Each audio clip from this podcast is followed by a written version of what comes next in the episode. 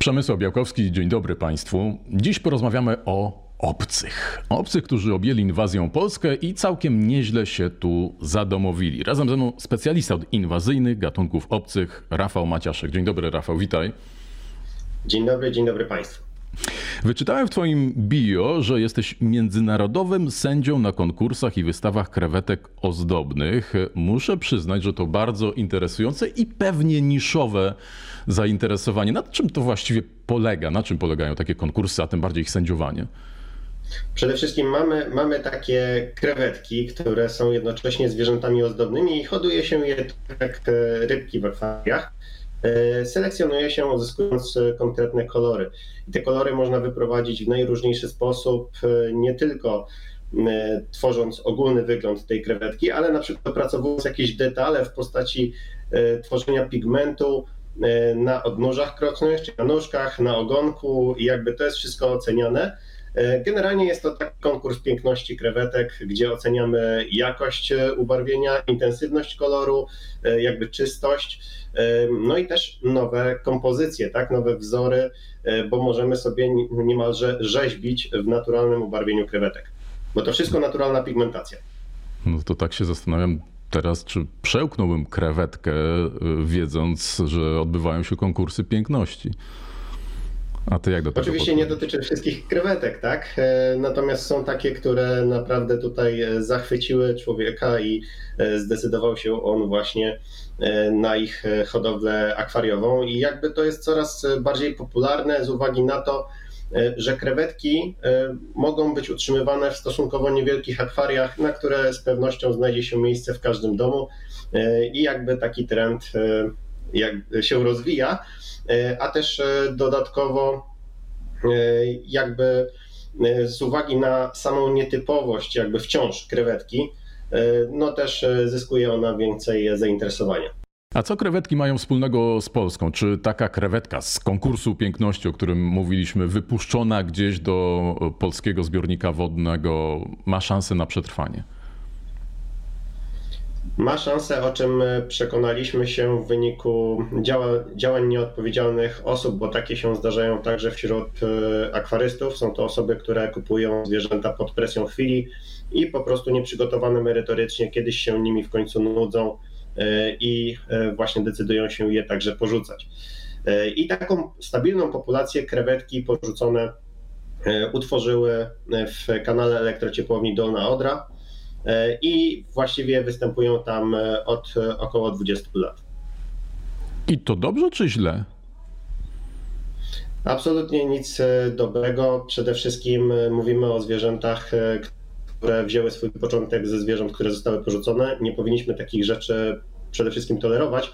Natomiast też mówimy o gatunkach obcych, czyli takich, które zostały przeniesione przez człowieka poza ich obszar naturalnego występowania. Takie krewetki występują E, w Azji Południowo-Wschodniej, ale też przez to, że zostały e, przeselekcjonowane, właściwie są obce wszędzie w przyrodzie, bo tam człowiek troszkę pomajstrował, no i absolutnie one nie powinny trafić do środowiska. Trzeba też pamiętać o tym, że wraz z krewetkami mogą przeniknąć e, też inne organizmy, takie, które są związane z tymi krewetkami, ewentualnie jakieś pasożyty, choroby, symbionty.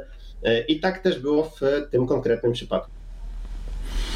Pewnie niewiele osób zdaje sobie sprawę, jak może, jaki może to mieć wpływ na e, środowisko, ale to jest też niezgodne z prawem jest ustawa z sierpnia 2021 o gatunkach e, obcych, która mówi, że to jest zakaz e, wprowadzania do środowiska i przemieszczania w środowisku e, gatunków obcych. No, ty się tym zajmujesz na co dzień, prowadzisz też szkolenia dotyczące inwazyjnych gatunków obcych, a jaka jest właśnie ta druga strona? Jakie padają pytania, co może jest najbardziej zaskakujące, gdy ludzie dowiadują się więcej o tych inwazyjnych gatunkach obcych?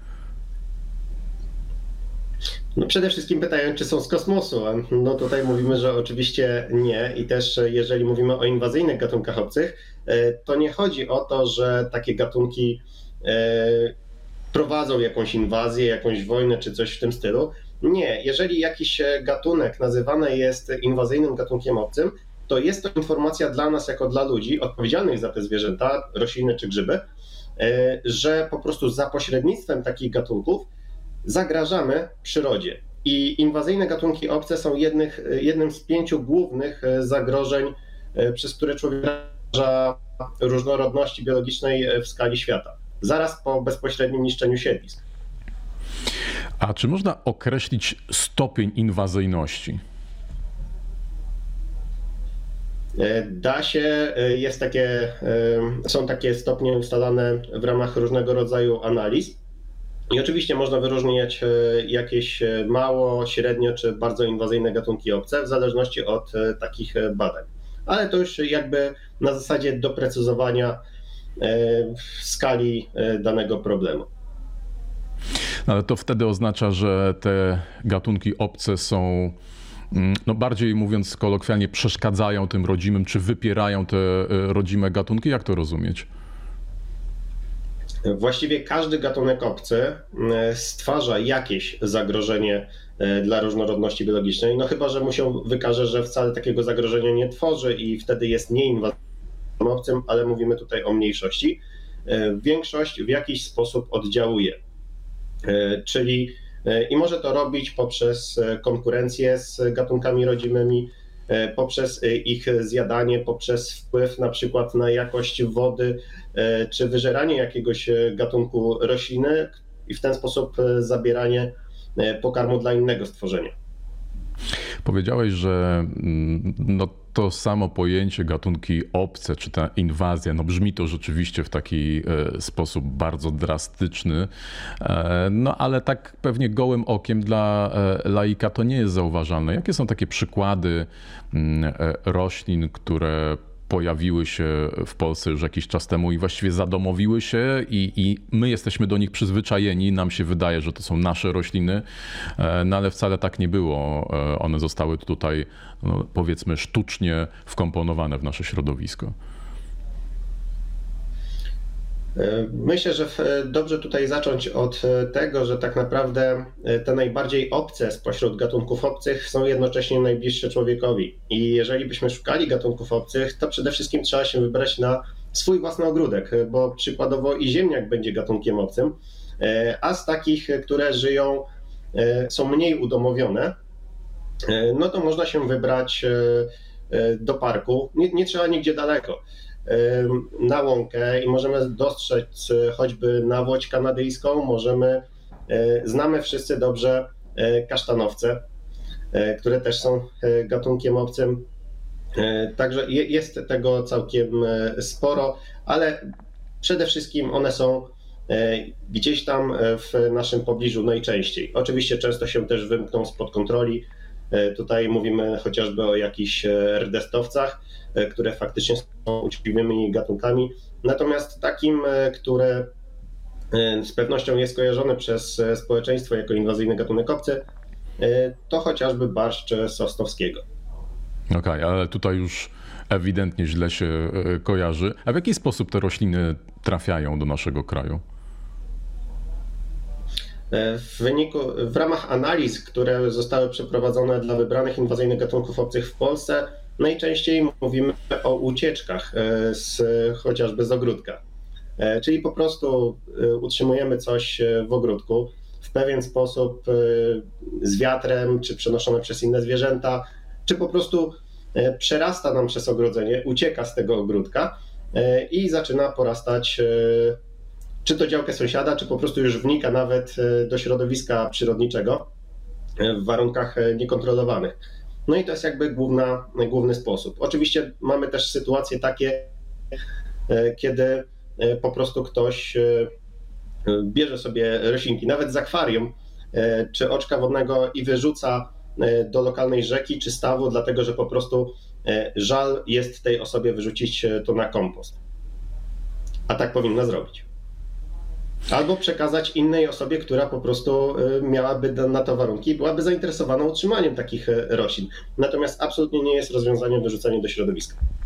W Polsce pojawiają się też e, gatunki, które wcześniej występowały bardziej na południe, ale to jest z kolei spowodowane zmianami e, klimatu. Czy, czy takie e, gatunki też powinniśmy traktować jako gatunki inwazyjne, obce, no, czy jednak zdając sobie sprawę, że, że te, no patrząc na to szeroko, strefy klimatyczne wręcz przesuwają się, no to to jest rzecz, przed którą i tak nie uciekniemy.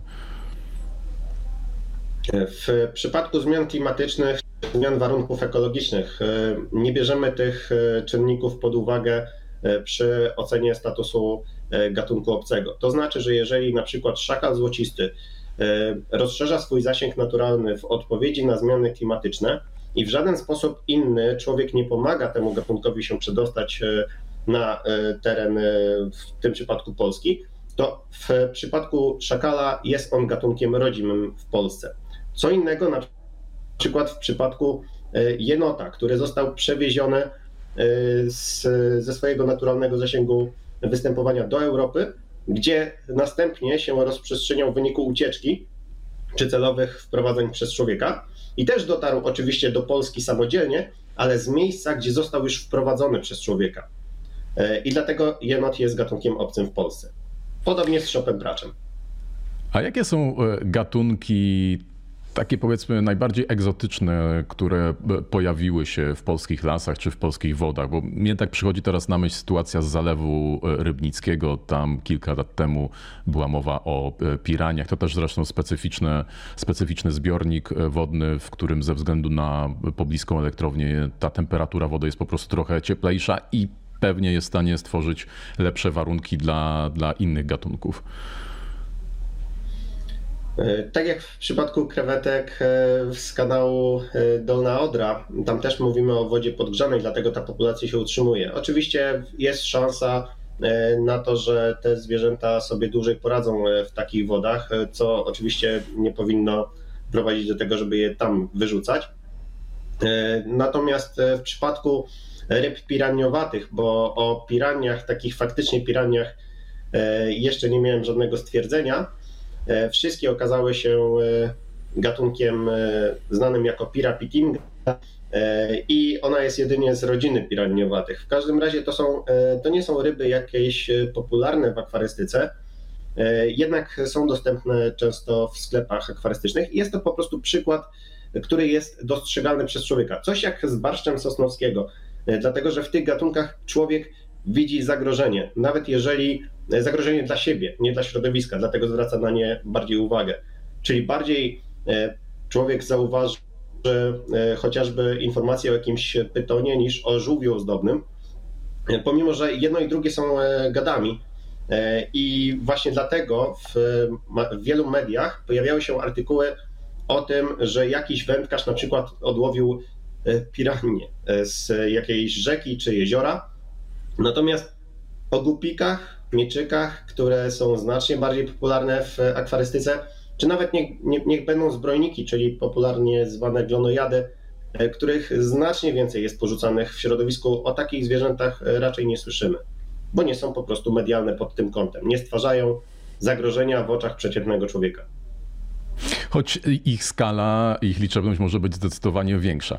No i pojawia się jeszcze e, jedno pytanie, bo my tak e, e, łączymy faunę i florę, ale to może jeszcze wracając do roślin.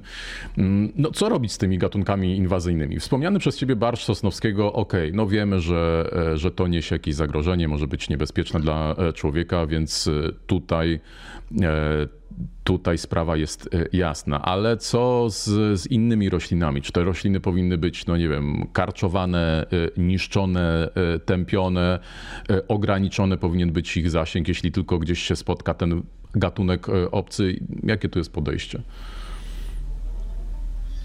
Jeżeli to są gatunki obce, to powinniśmy przez to rozumieć naszą odpowiedzialność za te gatunki. To znaczy, że jeżeli wzięliśmy kiedyś jako ludzie za nie odpowiedzialność, e, to po prostu e, i zdecydowaliśmy się je trzymać pod kontrolą, to trzymajmy się tego, żeby one były pod kontrolą. Nie ma żadnego problemu, żeby e, trzymać w ogródku jakieś gatunki obce. Nikt nie zabrania tego. Ważne jest to, żeby po prostu one były pod tą naszą kontrolą.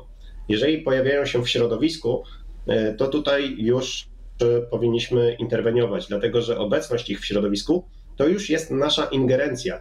E, I jakby ingerencja polegająca, dodatkowa polegająca na tym, żeby e, tą sytuację odmienić z tej poprzedniej, jest czymś, e, co powinno być traktowane jako nasz obowiązek.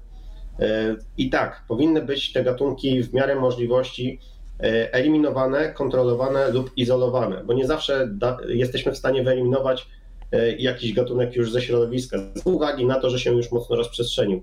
Ale każdy z nas powinien w każdy możliwy sposób ograniczać możliwość przedostawania się gatunków obcych do środowiska.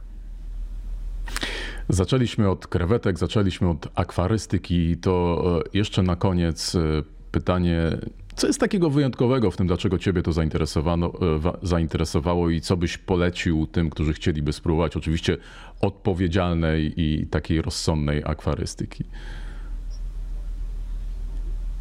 E, trudne pytanie w sumie. E, ogólnie e, sama inicjatywa Łowca Obcych, którą prowadzę, wzięła się z pracy doktorskiej, którą realizuję i właśnie dotyczy krewetek ozdobnych i tego, co wraz z nimi przenika do środowiska, kiedy te